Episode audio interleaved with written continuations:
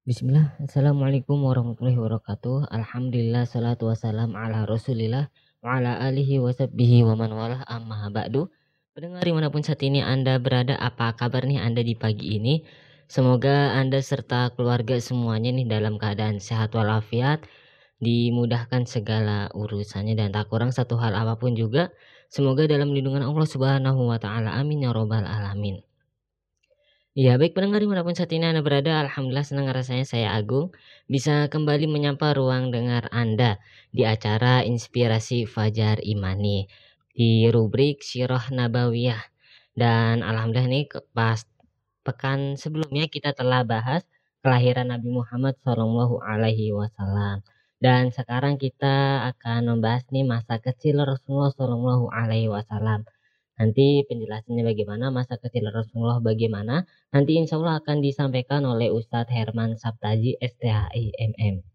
Ya baik pendengar di mana pun saat ini Anda berada dan Alhamdulillah telah hadir juga di tengah-tengah kita narasumber kita yaitu ada Ustadz Herman Sabtaji STHI MM. Kita akan sapa terlebih dahulu. Assalamualaikum warahmatullahi wabarakatuh Ustadz. Waalaikumsalam warahmatullahi wabarakatuh. Ya, Kabarnya gimana nih Ustaz? Alhamdulillah sehat ya Agung dan juga semoga pendengar juga dalam keadaan sehat walafiat selalu. Amin ya robbal alamin. Iya baik pendengar di mana pun saat ini anda berada dan silakan juga nih bagi anda pendengar Fajri yang memiliki pertanyaan dan anda juga jika belum punya pertanyaan nih sambil menyimak anda juga bisa mempersiapkan pertanyaannya nanti ada di sesi kedua sesi tanya jawab, insya Allah pertanyaan yang Anda kirimkan akan kita jawab. Ya baik pendengar di mana pun saat ini Anda berada, langsung saja kita akan simak nih pembahasan masa kecil Rasulullah SAW itu bagaimana. Kita akan simak saja selamat mendengarkan. Tafadhol Ustaz. Baik, bismillah, alhamdulillah, wassalatu wassalamu ala nabiyina Muhammadin wa ala alihi wa sahbihi wasallam, amma ba'du. Pendengar Fajri di mana saja Anda berada, Alhamdulillah pada kesempatan hari ini di hari Jumat, Sayyidul Ayyam, hari yang paling mulia Allah Subhanahu wa taala mempertemukan kita kembali lewat jalinan dakwah di udara. Alhamdulillah kita memuji Allah dengan sebanyak-banyak pujian. Salawat serta salam semoga senantiasa tercurahkan kepada baginda Nabi Muhammad wasallam, kepada keluarganya, kepada seluruh sahabatnya serta umatnya yang istiqomah meniti jalan beliau insyaallah taala. Sahabat Fajri, eh, sebelum kita masuk kepada pembahasan kita di dalam rubrik Sirah Nabawiyah, tidak lupa saya juga mengingatkan untuk saya diri saya pribadi dan juga pendengar semua untuk memperbanyak bacaan solawat kita kepada Nabi Muhammad Sallallahu Alaihi Wasallam. Karena solawat ini membaca solawat untuk Nabi Muhammad Sallallahu Alaihi Wasallam itu besar faidahnya dan dia adalah suatu peribadatan yang ringan untuk diucapkan tapi pahalanya besar.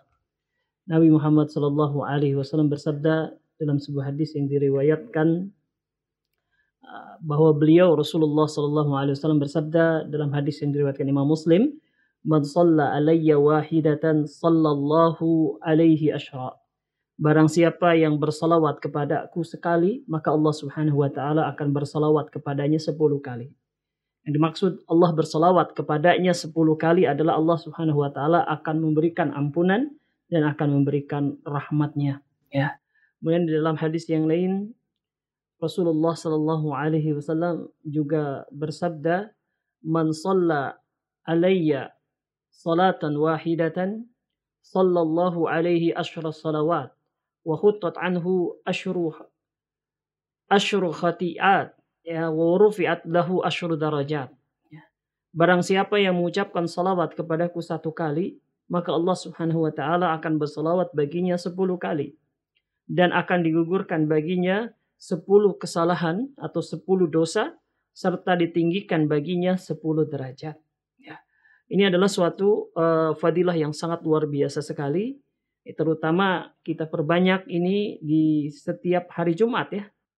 Karena hari Jumat adalah Sayyidul Ayyam dan ada kekhususan tersendiri Rasulullah SAW bersabda, Aksiru alayya minas salah fi kulli yaumil jum'ah, fa inna salata ummati tu'radu ala kulli, ala, ala fi kulli yaumil jum'ah. Faman kana aksaruhum alayya salatan, kana aqrabahum minni manzilatan. Ya. Dalam hadis yang diriwayatkan Imam Baihaqi dan hadis ini derajatnya adalah hasan li ghairihi. Rasulullah SAW bersabda artinya perbanyaklah salawat kepadaku setiap hari Jumat Karena salawat untukku akan diperlihatkan padaku pada setiap Jumat. Barang siapa yang banyak bersolawat kepadaku, dialah yang paling dekat denganku pada hari kiamat nanti. Jadi pendengar Fajri di mana saja Anda berada, ya, sambil kita menyimak pembahasan tentang sirah nabawiyah, biografi Nabi Muhammad Sallallahu Alaihi Wasallam yang di mana banyak sekali kita akan menyebut nama Nabi Muhammad Sallallahu Alaihi Wasallam, maka saya mengajak untuk pendengar sekalian untuk kita sama-sama membaca salawat ya. Minimal dengan mengucapkan Sallallahu Alaihi Wasallam. Atau salawat yang lebih lengkap lagi Allahumma salli wa sallim ala nabiyyina Muhammadin wa ala alihi wa sahbihi wasallam atau salawat-salawat mana saja yang diajarkan oleh Nabi Muhammad Sallallahu Alaihi Wasallam. Baik kita mulai. Pada kesempatan kali ini kita akan kembali melanjutkan pembahasan kita biografi kehidupan Nabi Muhammad Wasallam. Di pekan yang lalu kita sudah membahas tentang kelahiran Rasulullah SAW bahwa beliau dilahirkan di hari Senin, ya, dilahirkan di suatu tahun yang disebut dengan tahun gajah, tahun di mana ketika itu datang pasukan bergajah dari negeri Yaman dengan tujuan untuk menghancurkan Ka'bah. Tapi itu tidak pernah terjadi karena Allah Subhanahu wa taala melindungi Ka'bah, melindungi Mekah dan melindungi umat di mana Nabi Muhammad SAW akan dilahirkan di sana, yaitu orang-orang Quraisy. Kemudian eh, tahun ini yang dikenal dengan tahun gajah juga eh, kalau dalam perhitungan tahun Masehi ya, ya tahun Masehi itu merujuk pada tahun 570 Masehi. Ya. Kemudian Rasulullah Shallallahu Alaihi Wasallam lahir di bulan Rabiul Awal menurut pendapat yang paling kuat atau paling masyhur ya dan juga ada juga pendapat yang lain mengatakan Nabi Muhammad SAW dilahirkan di bulan Ramadan. Adapun tanggalnya terjadi perselisihan pendapat di kalangan para ulama. Ada yang mengatakan tanggal 12 Rabiul Awal dan ini adalah tanggal yang paling banyak diriwayatkan ya ataupun yang disebutkan oleh para ulama ahli sejarah. Tapi ini bukan satu-satunya ya. Ada yang mengatakan Nabi lahir tanggal 2, tanggal 8 bulan Rabiul Awal, ada yang mengatakan lagi tanggal 9 dan ada juga tanggal 17 ya Rabiul Awal. Artinya bahwa penanggalan ini bukanlah sesuatu hal yang memang wajib untuk dipastikan ya, tapi ini adalah memang uh, kita sekedar tahu saja tanggal sekian gitu ya. Nah, kemudian Nabi Muhammad SAW lahir dalam keadaan sebagai anak yatim ya. Sebagaimana kita kisahkan juga bahwa ayahanda Nabi Muhammad SAW yang bernama Abdullah bin Abdul Muttalib itu wafat ketika beliau berada di dalam kandungan ibunya. Ya, ayah beliau meninggal muda yaitu ketika berusia 25 tahun.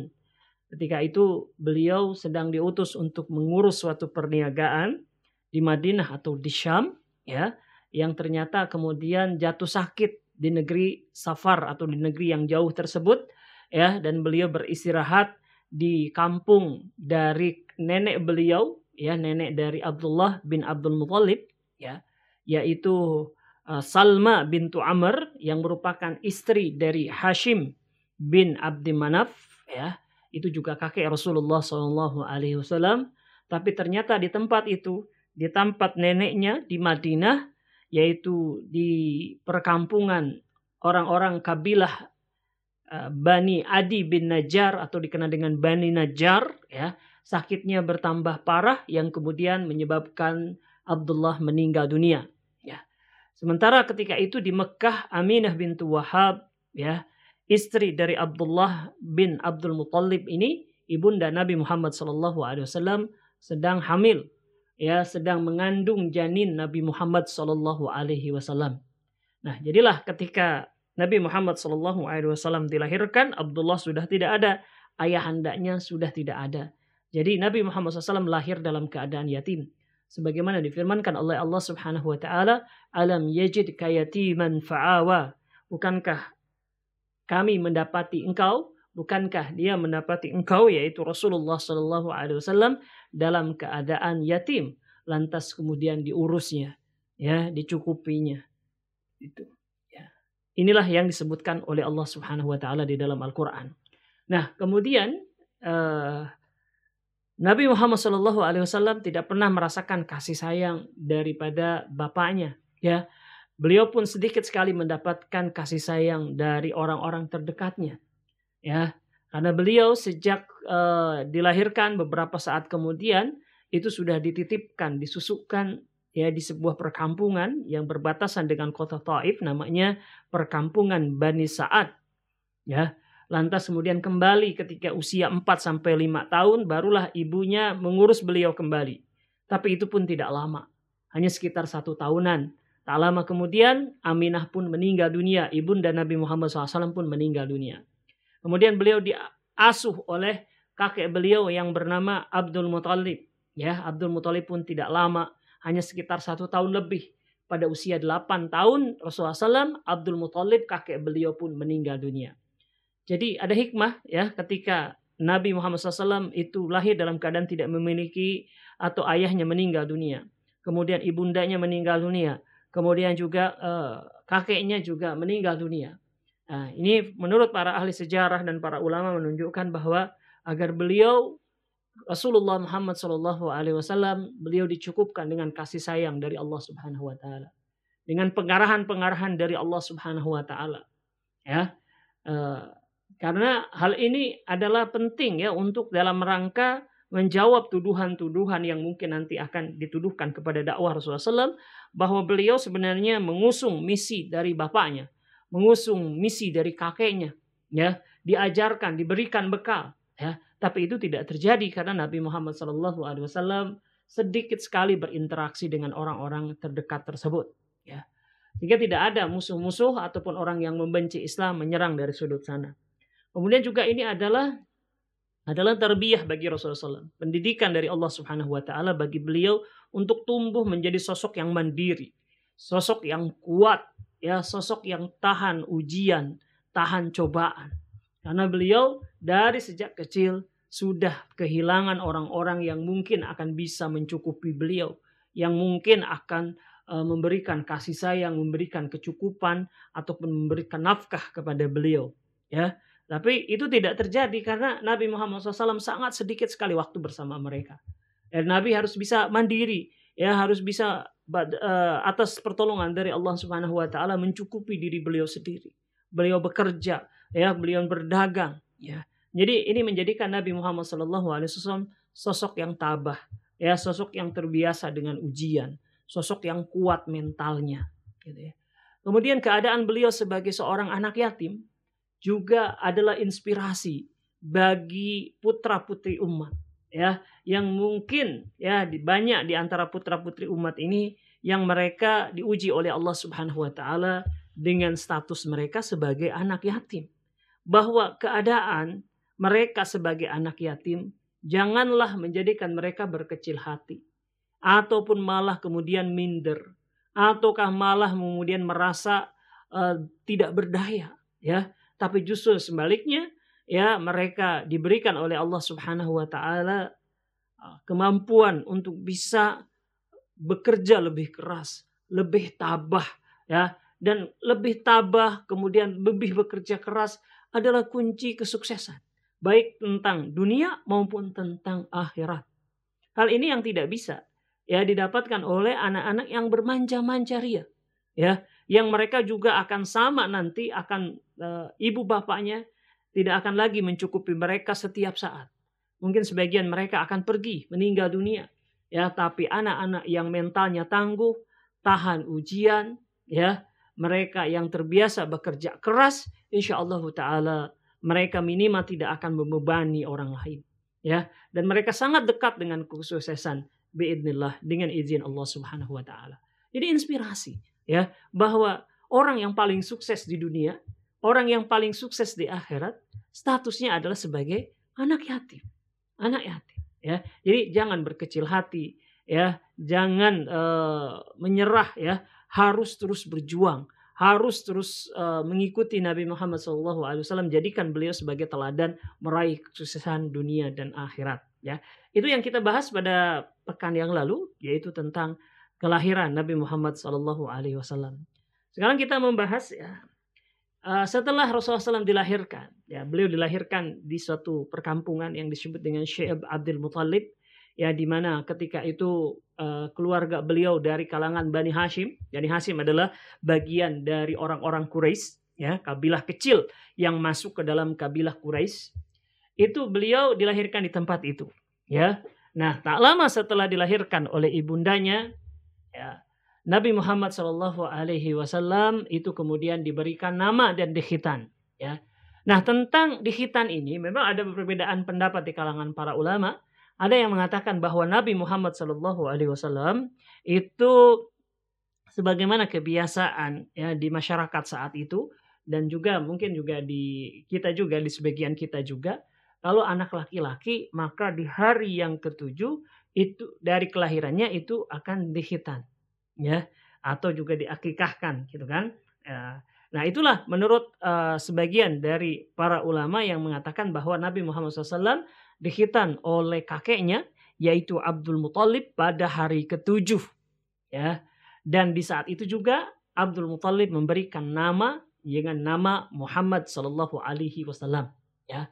Nah tapi riwayat yang lain mengatakan bahwa Nabi Muhammad Sallallahu Alaihi Wasallam itu dilahirkan ya dalam keadaan sudah dihitan dari suatu riwayat yang disebutkan oleh ulama dalam kitab Ad-Dalailun Nubuwah yang diriwayatkan oleh Abu Nuaim rahimahullah beliau meriwayatkan sebuah hadis yang marfu yang berbunyi bahwa Rasulullah Shallallahu alaihi wasallam bersabda yang artinya rasa hormatku dan terima kasihku kepada Rabbku karena aku dilahirkan dalam keadaan telah dihitan sehingga tak ada satupun orang yang melihat auratku. Ya, Nah, ini ini pendapat yang uh, menurut uh, penyusun kitab ya biografi Rasulullah Sallallahu Alaihi Wasallam Sirah Nabawiyah ya uh, ini beliau mengatakan lebih merojihkan pendapat ini yaitu beliau dilahirkan dalam keadaan sudah dihitan sumbernya adalah hadis marfu yang tadi disebutkan gitu ya. Nah, adapun tentang pemberian nama ya, pemberian nama ini ada beberapa riwayat juga. Ya ini saya mohon maaf ya menyebutkan beberapa riwayat karena berarti bahwa ini tidak terjadi kesepakatan. Bisa jadi salah satunya benar gitu kan? Salah satu yang lainnya itu dikalahkan oleh riwayat yang lebih kuat gitu. Nah uh, satu riwayat mengatakan bahwa yang memberikan nama itu adalah kakeknya yaitu Abdul Muthalib dengan nama Muhammad ya dan ketika itu nama Nabi nama Muhammad Shallallahu Alaihi Wasallam nama Muhammad itu tidak dikenal di kalangan bangsa Arab ketika itu. Sehingga orang-orang Quraisy ketika itu mereka penasaran. Kenapa Abdul Muthalib engkau memberikan nama cucumu itu dengan nama Muhammad? Ya, maka ketika itu Abdul Muthalib menjawab bahwa ia berharap cucunya sebagaimana arti dari kata Muhammad yang artinya adalah mendap orang yang banyak mendapatkan pujian. Ya, orang yang banyak mendapatkan pujian. Ya, maka kata Abdul Muthalib, aku menginginkan cucuku itu banyak mendapatkan pujian dari Allah di langit dan juga mendapatkan pujian oleh seluruh makhluknya yang ada di bumi. Nah, jadi secara arti Muhammad itu artinya adalah yang banyak dipuji. Ya, yang banyak dipuji, eh maka Abdul Muthalib menginginkan Nabi Muhammad Shallallahu alaihi wasallam itu kelak akan dipuji oleh Allah Subhanahu wa taala. Banyak dipuji oleh Allah di langit dan banyak dipuji oleh seluruh makhluknya yang ada di bumi, gitu ya. Nah, hal ini nama Muhammad Shallallahu alaihi wasallam ini juga disebutkan oleh Nabi ya. Beliau mengatakan sesungguhnya aku memiliki beberapa nama ya. Aku adalah Muhammad ya. Namaku adalah Ahmad. Namaku adalah Al-Mahi. Namaku adalah Al-Hashir. Namaku adalah Al-Aqib. Ya, jadi beliau memiliki nama-nama yang banyak gitu ya. Uh, jadi tapi yang terkenal adalah nama Muhammad Sallallahu Alaihi Wasallam dan Ahmad ya Ahmad. Dan sebuah hadis yang berstatus ataupun derajatnya Hasan ya uh, diriwayatkan bahwa Ali bin Abi Thalib mendengar Rasulullah SAW bersabda, "Aku diberi nama Ahmad." Ya. Jadi dua-duanya ini adalah nama Nabi Muhammad SAW yang terkenal. Ya. Nah ini jadi yang uh, periwayat pertama mengatakan bahwa yang memberi nama itu adalah kakek beliau. Gitu ya. Nah sementara riwayat yang kedua ini disebutkan bahwa yang memberikan nama adalah ibundanya. Yaitu Aminah bintu Wahab ya yang memberikan nama Rasulullah SAW dengan nama Muhammad ya atau nama Ahmad dua-duanya. Gitu.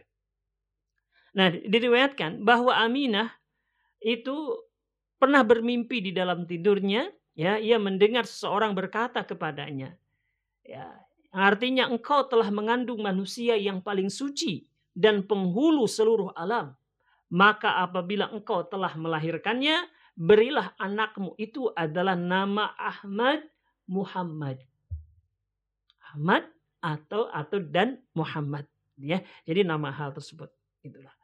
Nah, kemudian di riwayat yang lain diriwayatkan Aminah ya mengatakan bahwa ketika mengandung Nabi Muhammad wasallam dirinya didatangi oleh seseorang Orang itu berkata, apabila anakmu ini telah lahir, berilah nama Muhammad.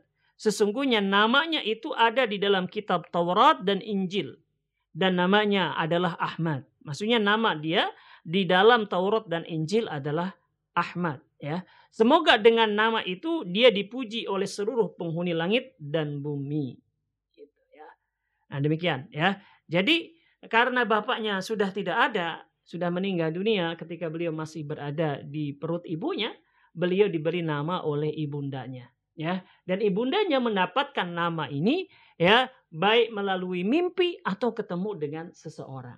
Jadi berdasarkan ini bahwa nama Rasulullah SAW, nama Muhammad, nama Ahmad adalah dipilihkan oleh Allah, ditentukan oleh Allah Subhanahu wa taala melalui perantara tadi, ya mimpi ibunya dan ataupun ketemu seseorang yang tidak dikenal oleh Aminah dan kemudian memberitahu bahwa bayi yang dikandungnya adalah orang yang paling suci ya orang yang paling mulia ya dan diminta untuk memberikan namanya adalah nama Ahmad atau nama Muhammad gitu ya.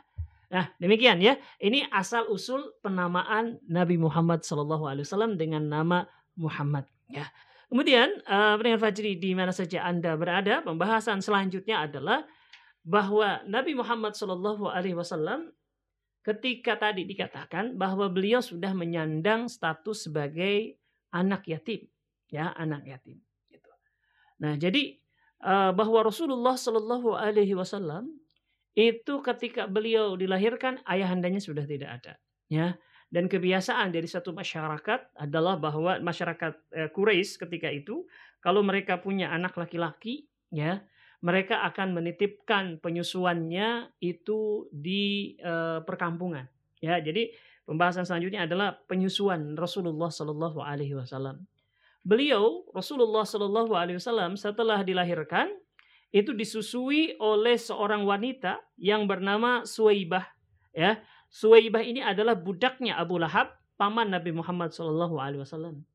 Ya, Abu Lahab ya yang merupakan orang yang sangat membenci dakwah Rasulullah Sallallahu Alaihi Wasallam, yang sangat memerangi dakwah sampai-sampai diabadikan oleh Allah Subhanahu Wa Taala di dalam Al-Quran, ya, untuk mendapatkan kecelakaan.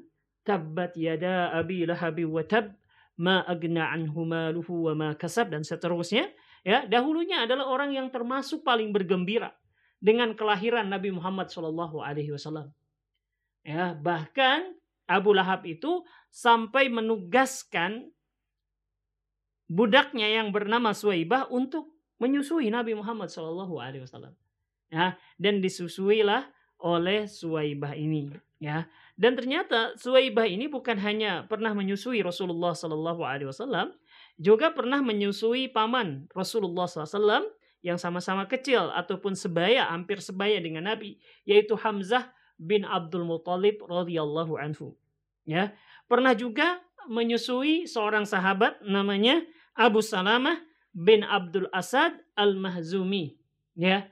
Nah, tiga orang ini yaitu Nabi Muhammad SAW, Hamzah bin Abdul Muttalib dan Abu Salamah bin Abdul Asad Al-Mahzumi. Tiga-tiganya adalah orang-orang yang beriman termasuk as-sabiqun al-awwalun. Mereka ini adalah bersaudara karena sepersusuan.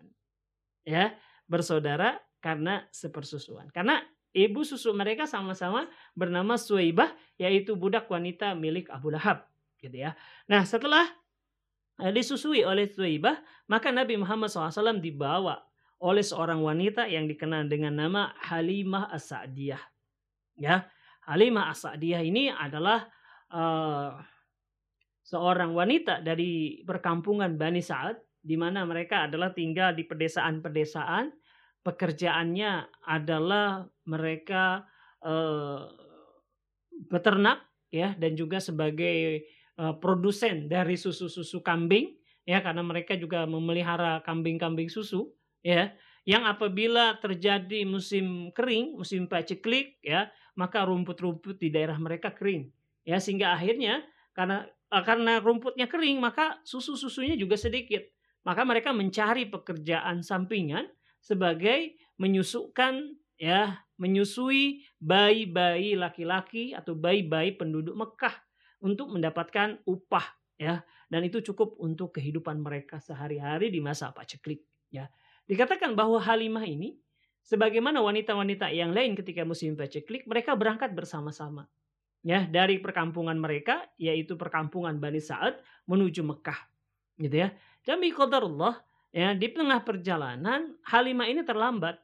Kenapa? Karena untanya atau keledainya atau apalah bisa kuda uh, bisa keledai atau apa untanya ini uh, mengalami cedera kaki ya keseleo atau apa gitu ya uh, kaki binatang tunggangannya sehingga terlambat ya begitu sampai di Mekah teman-temannya sudah dahuluan ya itu menawarkan untuk bisa menyusui bayi-bayi penduduk Mekah dan mereka rata-rata sudah dapat. Ya, tinggal Halimah sendiri.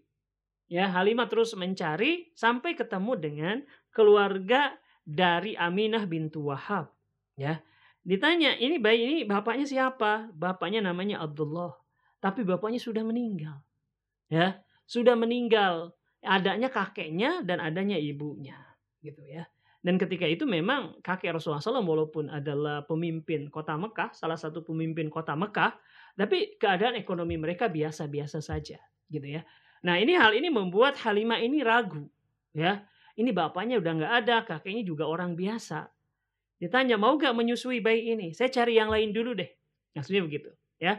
Dia cari-cari yang lainnya, ternyata nggak ada, sudah habis. Ya, artinya sudah dibawa oleh wanita-wanita Bani Saat yang lainnya. Ya. Maka dia bilang kepada suaminya yang mengantarkannya, saya sudah cari. Tapi nggak ada yang mau untuk kita, nggak ada lagi yang bisa kita susui kecuali ya seorang bayi yang kasihan sekali. Bapaknya sudah nggak ada. Ekonomi kakeknya juga biasa saja. Ya, maksudnya apa? Maksudnya saya khawatir kalau upah yang kita dapatkan kecil. Ya, kata suaminya kalau engkau ridha dengan upah yang kecil, dengan keadaan ya bayi tersebut yang sangat patut untuk dikasihani ya maka silahkan ya. Maka akhirnya kembalilah Halimah ya untuk mengambil bayi Rasulullah SAW untuk disusui ya.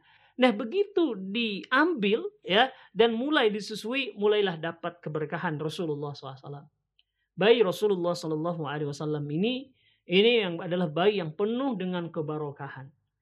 Nampak dari mana? Ya tadinya untanya yang membuat dia terlambat karena cedera langsung tiba-tiba sehat. Ya, yang waktu nggak cedera saja itu sudah lambat.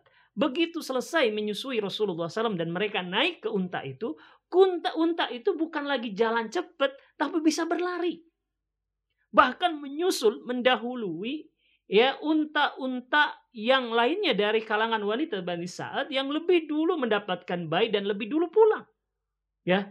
Nah, sampai di rumahnya kambing-kambingnya yang di musim paceklik itu sulit untuk menghasilkan susu, tiba-tiba kantung-kantung susunya itu sudah penuh. Maka ketika itu Halimah bilang, ya ini bukan bayi sembarangan. Ini adalah bayi yang penuh dengan keberkahan. Ya, beruntung sekali kita mau mengambil bayi ini. Ya, dan keberkahan ini terus didapatkan secara melimpah oleh Halimah sejak menyusui Nabi Muhammad SAW dan memelihara Nabi Muhammad SAW di rumah Halimah. Ya. Nah kemudian eh, sahabat Fajri, pendengar Fajri di mana saja Anda berada. Ya, keberkahan yang lainnya adalah selain mereka beternak kambing susu, mereka juga beternak kambing pedaging, ya. Nah, kambing-kambing pedaging yang dimiliki keluarga Halimah ini, ini juga tumbuh sehat, tumbuh kuat dan gemuk-gemuk dibandingkan dengan kambing-kambing yang lainnya dari milik Bani saat ini. Ya, sehingga sebagian di antara mereka mereka mengatakan kami tidak tahu apa yang menyebabkan ya kambing-kambing milik Halimah itu jauh lebih cepat perkembangannya, pertumbuhannya dibandingkan dengan kambing-kambing kami. Padahal kita menggembalakannya di tempat yang sama dengan kambing-kambing milik Halimah. Ya, ya memang bedanya adalah bahwa ada keberkahan Rasulullah Shallallahu Alaihi Wasallam. Ya, nah keberkahan ini dirasakan dari usia hampir satu tahun ya atau nol tahun sampai empat tahun. Sampai terjadi peristiwa pembelahan dada di mana Rasulullah SAW kecil ketika itu sedang main di tengah-tengah teman-temannya ya. Tiba-tiba muncul satu sosok makhluk ya yang menuntun Rasulullah Wasallam. Lantas Rasulullah SAW itu dibaringkan dan kemudian ya sosok itu mengeluarkan pisau, ya, yang pisau itu kemudian disentuhkan kepada dada Rasulullah SAW, dibelek, dibelah, lantas dikeluarkan sesuatu, lantas kemudian dicuci dengan bejana, lantas dimasukkan kembali. Nah, teman-teman Rasulullah SAW kecil itu ketakutan, ya. Ada apa orang ini menuntun Rasulullah SAW mengeluarkan pisau, kemudian juga uh, uh, menelentangkan Rasulullah SAW. Sampai sebagian dari mereka lari kepada uh, Halimah dengan mengatakan, Ya ummah, ya ummah. Wahai ibu, wahai ibu, lihatlah Muhammad. Ada apa dengan Muhammad? Ya Muhammad itu disembelih orang. Wah kagetlah Halimah. Ya, maka segera dia berlari ke tempat sana. Ya, dan ternyata didapati Rasulullah SAW dalam keadaan selamat dan mendatangi. Ya, dan menceritakan kepada Halimah apa yang terjadi, yaitu peristiwa pembelahan dada tersebut. Nabi tidak kurang satu apa pun. Nabi sehat walafiat tapi keadaan seperti itu membuat Halimah khawatir.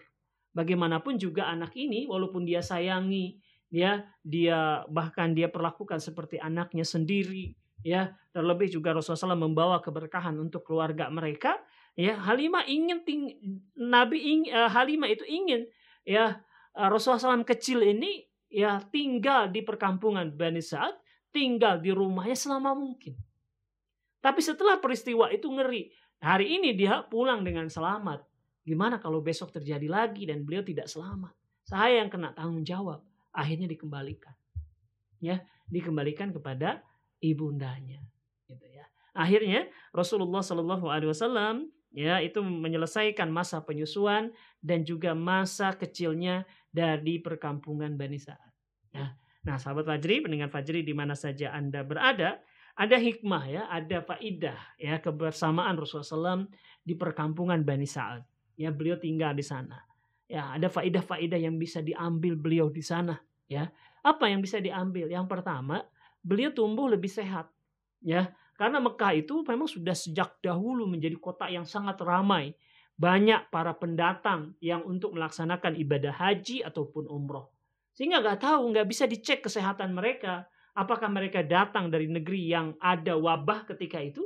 Ya sehingga akhirnya penduduk Mekah sendiri merasa lebih aman untuk anak-anak kecil yang secara notabene kenyataannya anak-anak ini sangat rawan kesehatannya ya uh, untuk dititipkan di perkampungan yang udaranya masih bersih ya tidak banyak orang asing ya di perkampungan jadi lebih sehat ya. Di sana juga matahari terik sekali ya mengenai tubuh secara sempurna tidak seperti di Mekah yang rumah-rumah mereka sudah rapat ya, yang banyak penutup-penutupnya sehingga kadang matahari nggak masuk sempurna. Ya, sementara di sana matahari benar-benar kuat terang sekali ya, menyinari tubuh-tubuh mereka sehingga mereka lebih sehat ya. Kita masih ingat zaman Covid dulu ya, beberapa tahun yang lalu ya. Itu nah, kita kan eh, disarankan untuk banyak berjemur ya karena ternyata matahari itu mengandung atau menjadi pemicu munculnya imunitas tubuh. Gitu kan? Ya, sehingga kita waktu itu uh, kalau pagi itu berjemuran gitu, ada yang naik di loteng, ada yang di lapangan gitu ya. Karena lebih sehat matahari itu, ya. Dan itulah yang terjadi di perkampungan Bani Sa'ad, ya. Kemudian di sana juga mereka terbiasa bergerak. Mereka terbiasa mengembala kambing, menuntun unta, menun di lapangan ya sehingga fisik mereka jauh lebih kuat dibandingkan dengan anak-anak perkotaan. Ya dan itu sepertinya juga biasa di kampung kita. Anak-anak kampung lebih gesit ya lebih kuat fisiknya. Untuk pergi ke sekolah saja zaman dahulu ya ketika sekolah-sekolahnya jauh mereka jalan sekilo dua kilo tidak masalah. Ya sementara di perkotaan orang lebih senang naik motor ya lebih senang naik kendaraan gitu ya untuk sampai ke sekolah mereka. Jadi secara fisik juga lebih bagus. Kemudian bahasa ya uh, penduduk Bani Sa'ad adalah penduduk yang menjaga keaslian bahasa Arab ya. Bahasa Arab mereka masih fasih. Sementara di Mekah ketika itu karena banyaknya pendatang otomatis mereka membawa dialektika ya membawa lahjah ya kalau dalam bahasa Arab yang berbeda-beda ya. Sehingga akhirnya muncullah bahasa-bahasa yang mungkin istilah kita bahasa tidak baku bahasa prokem ya bahasa uh, bahasa Arab, bahasa Amiyah gitu ya. Nah, itu tidak terjadi di sana. Ya, di Bani Sa'ad orang itu berbicara dengan bahasa Arab. Jadi itulah manfaat-manfaat yang didapatkan Rasulullah SAW di perkampungan Bani Sa'ad. Ya, beliau lebih sehat, beliau lebih aktif, ya, dan lebih banyak belajar bahasa Arab, gitu ya. Nah, uh, ini Kang Agung yang bisa kita sampaikan dulu ya dua kisah, yaitu pertama adalah kisah tentang uh, pemberian nama Rasulullah SAW, kisah khitan Rasulullah SAW dan masa kecil beliau di perkampungan Bani Sa'ad. Nah, dari faedah-faedah yang bisa kita ambil ini adalah bahwa ini semua adalah bentuk pembinaan dari Allah Subhanahu wa taala. Beliau dilahirkan dalam keadaan anak yatim, ya. Kemudian diperkuat oleh Allah Subhanahu wa taala, beliau juga uh, dititipkan ya di satu perkampungan yang menjaga bahasa Arab, menjaga kesehatan ya dan menjadi orang yang tumbuh fisiknya secara kuat karena dengan keadaan alam yang masih terbuka ya, yang masih banyak aktivitas ruang terbuka, masih aktivitas fisik yang masih leluasa ya. Ini juga adalah salah satu terbiah dari Allah Subhanahu wa taala. Demikian sudah menjadi inspirasi bagi kita semua. Wallahu a'lam bishawab. Sallallahu ala nabiyina Muhammadin wa ala alihi wasallam. Iya, baik Masya Allah. Syukran jazakumullah khairan keseran Ustadz atas ilmunya. Dan alhamdulillah ya pendengar di mana pun anda berada telah kita telah simak bersama masa kecil Rasulullah Shallallahu Alaihi Wasallam. Ya, dan silakan bagi Anda juga yang memiliki pertanyaan, pertanyaan silakan Anda bisa kirimkan melalui WhatsApp ataupun Telegram di 0811 11 10 993. 0811 11 10 993. Insya Allah pertanyaan yang Anda kirimkan akan kita jawab di sesi tanya jawab nanti di sesi kedua nanti ya. Dan jangan pindah frekuensi Anda tetap stay terus di Fajri FM karena setelah ini kita akan kembali lagi. Iya baik pendengar di mana pun saat ini Anda berada tadi telah kita simak bersama ya yaitu kisah masa kecil Rasulullah SAW dari mulai di khitan dan juga diberi nama dan disusui di perkampungan di perkampungan Bani Saat. Langsung saja kita akan jawab, kita akan bacakan pertanyaan-pertanyaan Anda. Ustaz, sudah ada nih Ustaz ya. yang masuk. Assalamualaikum warahmatullahi wabarakatuh, Ustaz. Saya mau bertanya, Pak Ustadz iya. kalau ya. mengazani mengazani anak yang baru lahir dan mayit mau dikubur itu wajib atau sunnah Pak Ustadz? Mohon dibahas Ustadz. Iya, mungkin nanti ini tepatnya ditanyakan di rubrik yang lain ya. Kita tidak membahas itu, kita sedang membahas tentang sirah nabawiyah. Oh iya, baik. Ya. Dan selanjutnya nih Ustadz ada lagi. Assalamualaikum dari Wahyu di Tambun menyimak aja sambil bekerja. Iya, menyimak saja nih. Dan siapa lagi nih yang ikut bergabung? Oh iya, ini ada dari Mama Fitri di Bekasi Barat. Assalamualaikum warahmatullahi wabarakatuh. Assalamualaikum warahmatullahi wabarakatuh. Dari ya. Keranji di Bekasi ingin bertanya Pak Ustadz, apakah ayah Nabi Muhammad SAW sebelum meninggal sudah mengenal Islam? Kakek neneknya kapan mengenal Islamnya? Syukran jazakumullah khair. Ya. Uh, kak, ayahanda Nabi, kemudian ibunda Nabi Muhammad SAW dan juga kakek Rasulullah SAW itu mereka meninggal dunia sebelum datangnya Islam. Jadi mereka belum memeluk Islam, gitu ya. Adapun agamanya, ya agamanya seperti kita ketahui adalah ke agama kebanyakan dari penduduk ataupun orang-orang Quraisy, yaitu mereka menyembah berhala, gitu ya. Hanya saja apakah nanti uh, ayahanda Nabi Muhammad SAW dan ibundanya ini digolongkan sama seperti orang-orang Quraisy yang menyembah berhala, Allahu a'lam bishawab. Ada perbedaan pendapat di karangan para ulama. Ada yang mengatakan bahwa ayahanda Nabi Muhammad SAW dan ibunda Rasulullah SAW ini uh, akan diuji oleh Allah Subhanahu Wa Taala di akhirat kelak akan dinampakkan Rasulullah SAW dalam keadaan beliau sudah menjadi Rasul. Kalau misalkan ayahanda dan ibunda Nabi Muhammad Sallallahu Alaihi Wasallam itu mereka beriman, ya setelah diperlihatkan Nabi sudah menjadi Rasul, maka mereka akan masuk surga. Tapi kalau mereka tetap mengikuti sebagaimana orang-orang Quraisy, ya tidak bisa masuk surga, gitu ya. Jadi mereka ayahanda ibunda Nabi Muhammad SAW itu wafat sudah dalam keadaan mereka uh, Rasulullah SAW belum menjadi nabi, gitu. Jadi uh, belum mengenal Islam. Allahu a'lam. Iya, ya. baik Mas Allah syukran atas jawabannya Ustadz dan ada satu lagi nih Ustadz hmm. pertanyaan. Mungkin ini terakhir ya di hmm. acara ini yaitu ada dari Ahmad di Cakung Jakarta Timur izin bertanya Assalamualaikum warahmatullahi wabarakatuh Ustadz izin bertanya ya. apakah perempuan boleh dikhitan Ustadz atau gimana? Oh, oh iya Jelas. Iya, eh, perempuan boleh dihitan ya, itu disunahkan, disunahkan untuk dihitan. Yang laki-laki wajib untuk dihitan dan disunahkan untuk perempuan, gitu ya. Jadi bukan lagi boleh, tapi disunahkan, gitu ya. Demikian, Allahu a'lam Iya, baik Mas Allah. Jadi disunahkan ya untuk perempuan juga dihitan, bukan cuma laki-laki. Kalau laki-laki itu diwajibkan. Iya, baik Mas Allah, syukran jazakumullah khairan kesalan ya. Ustaz atas jawabannya dan juga kepada pendengar Fajri FM. Kami ucapkan syukran jazakumullah khairan kesalan kepada Anda yang telah ikut berpartisipasi di acara ini, yang telah ikut menyimak acara-acara Radio Fajri FM. Semoga bisa bermanfaat untuk kita semua, bisa menginspirasi kita semuanya. Amin ya robbal alamin. Ya baik pendengar di mana pun saat ini Anda berada, tak terasa sudah di penghujung acara. Dan sebelum kita tutup kepada Ustadz ada yang ingin disampaikan Ustadz? Iya cukup ya sudah diselesaikan semua.